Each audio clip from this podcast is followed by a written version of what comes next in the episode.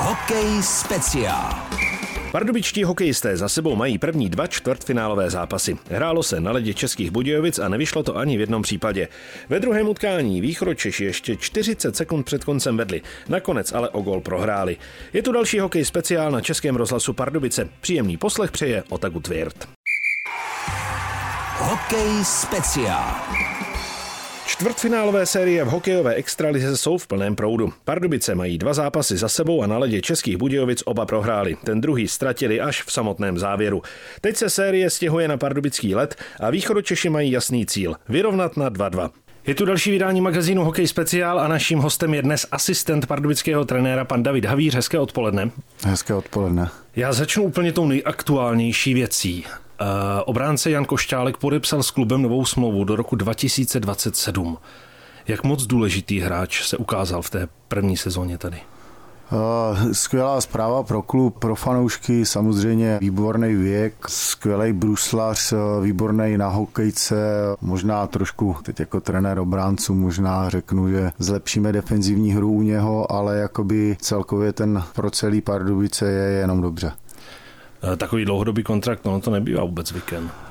Eh, nebývá to zvykem, eh, ale Honza je asi ve výborném věku, 26 let, jo, jakoby vemte si do 31, jo, ten kontrakt zřejmě poběží a takže vlastně jeho nejlepší léta budou mít Pardubice hokejový. On eh, byl nejlepším obráncem v základní části, nejproduktivnějším obráncem. Eh, věřil jste tomu třeba před sezónou, když hráč přijde do nového týmu, že hned vyhraje eh, kanadské budování celé ligy? No já jako osobně jsem s ním měl trošku sásku obranky, který jsem dal já jednou za sezónu nejlepší a on, trošku jsme se hecovali, ale samozřejmě on těží z přihrávky, z dobrého bruslení.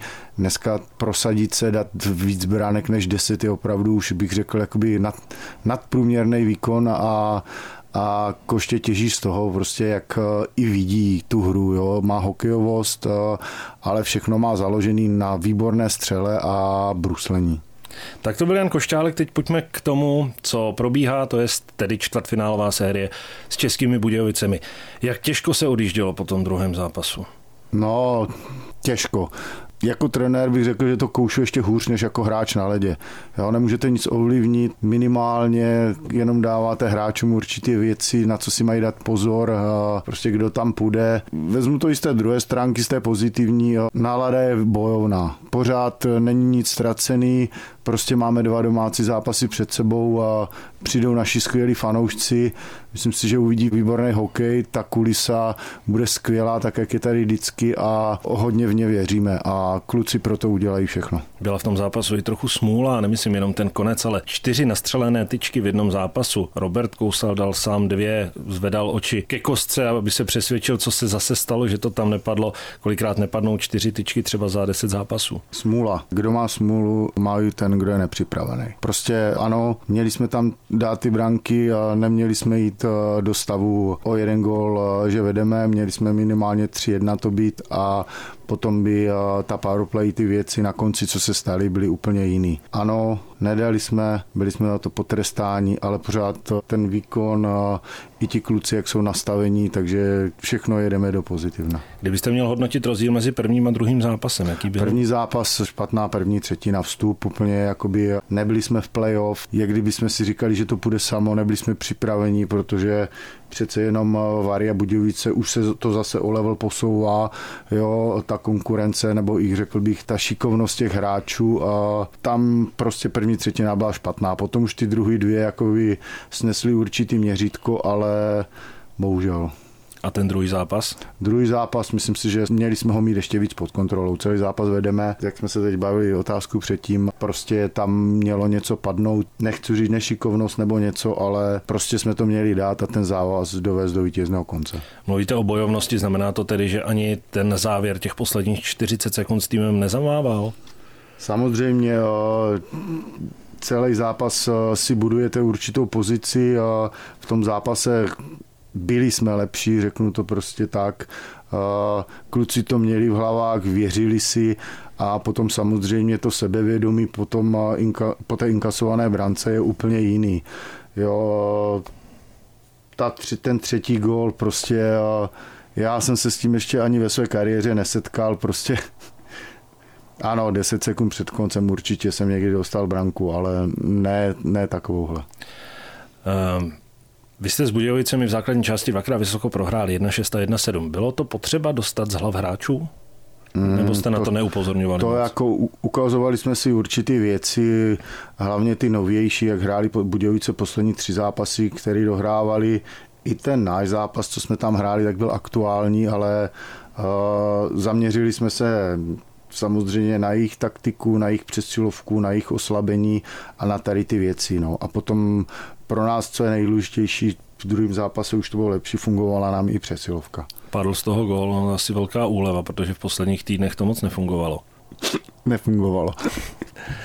Tam, jak padl jeden gól, jak dal Robert Říčka, tak potom jste tu přesilovku sehráli v podstatě úplně stejně. Zase zadovka od Činčali směrem na Říčku, který byl světý před brankou. Tam Ríša se Sejkem udělali určitý změny, samozřejmě já zrovna jsem, jsme trošku na něco jiného tam v tom týmu postavený, takže tu přesilovku mají oni dva jakoby pod sebou a trošku to tam změnili. Chtěli, aby praváci tam byli víc připraveni, aby Řeka byl prostě ve slotu, nebyl na tom místě u mantinelu na levé straně, Jo, a myslím si, že to bylo dobré řešení. Překvapili vás zatím něčím Budějovice v těch dvou zápasech? A důrazem. Jo, opravdu já si myslím, že Samozřejmě je to playoff a ten důraz je tam ještě větší. Možná někteří naši hráči na to nebyli tak, eh, jak bych, bych řekl, mentálně nastavení, jo, ale, ale to bylo, řekl bych, tu první třetinu jo, v tom prvním zápase.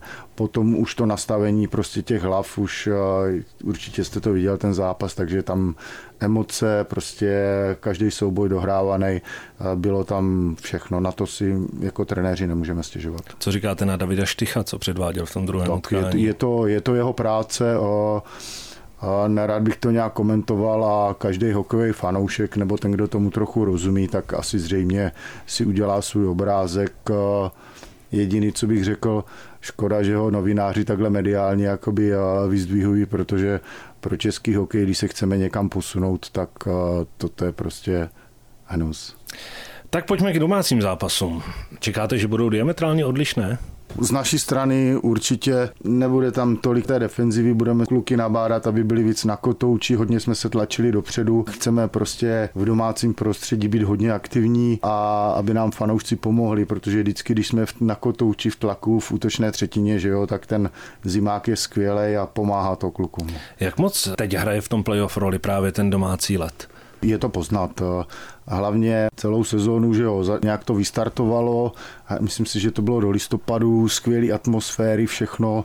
Připomenu třeba nejlepší, co tady bylo, tak zápas s Hradcemi, když nedopadl dobře, jo, tak ti fanoušci byli výborní a potom vlastně boom, tisíc diváků max, jo, a zase atmosféra nulová. Teď se to zase od března otevřelo, takže i jak s Varama, tak eh, teďka v Budějovicích jako skvělý atmosféry. Čekám, že ta naše prostě ten zimák bude ještě lepší. Vy jako hráč jste toho zažil samozřejmě hodně. Popište mě, jaké to je, když prostě opravdu vás žene 10 tisíc lidí.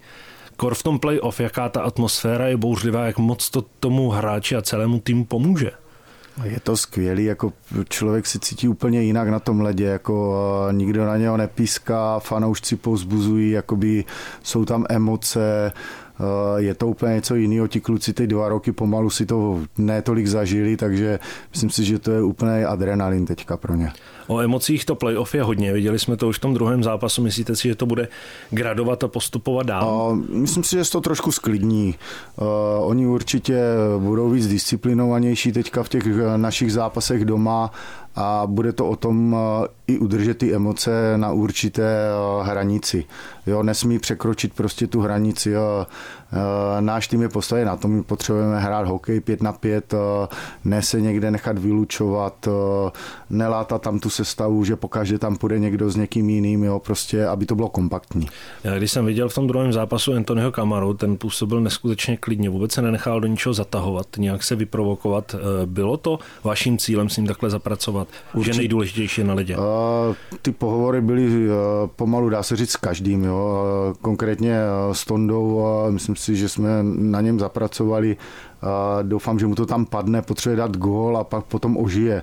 Jo, určitě skvělý útočník, výborný na ledě, prostě má problém s tou disciplínou, ale myslím si, že na tom zapracoval a bylo to vidět i v tom druhém zápase. Mohl by mu pomoct, že v tom druhém zápasu pomohl k oběma gólům? Po, určitě. Teď ještě je důležité, aby, aby nám ho pustili do toho našeho zápasu, protože na něho poslali výzvu, že jo, kvůli tomu poslednímu kontaktu, řekl bych, takže uvidíme zítra, co se stane, jestli bude moc kem nastoupit. Jak moc by se potřeboval trefit Robert Kousal? No tak to je další otazník, ale doufám, že mu to tam padne. Jako důležitý útočníka je dostávat se do těch šancí. Jo. Pokud se do nich nedostáváte, tak ten gól ani nemůže padnout. To Robert v nich je, takže uh, když Bůh dá a, a Robert bude v té šanci, tak mu věřím, že dá gól. Prohráváte v sérii 0-2, ale myslím si, že nikdo v týmu nepochybuje, že můžete přejít do toho semifinále. Ne, jak jsem říkal, prostě ten tým je nastavený dobře, i kluci po tom zápase už se tam hecovali v kabině, takže jako mi nikdo nevěsí hlavu a série končí až posledním zapískáním. Takže celou dobu budeme hrát. To říká v dalším vydání Hokej speciál asistent trenéra pardubických hokejistů pan David Havíř. Tak přejeme hodně štěstí a ať se týmu daří a jde dál. Děkuji, nashledanou.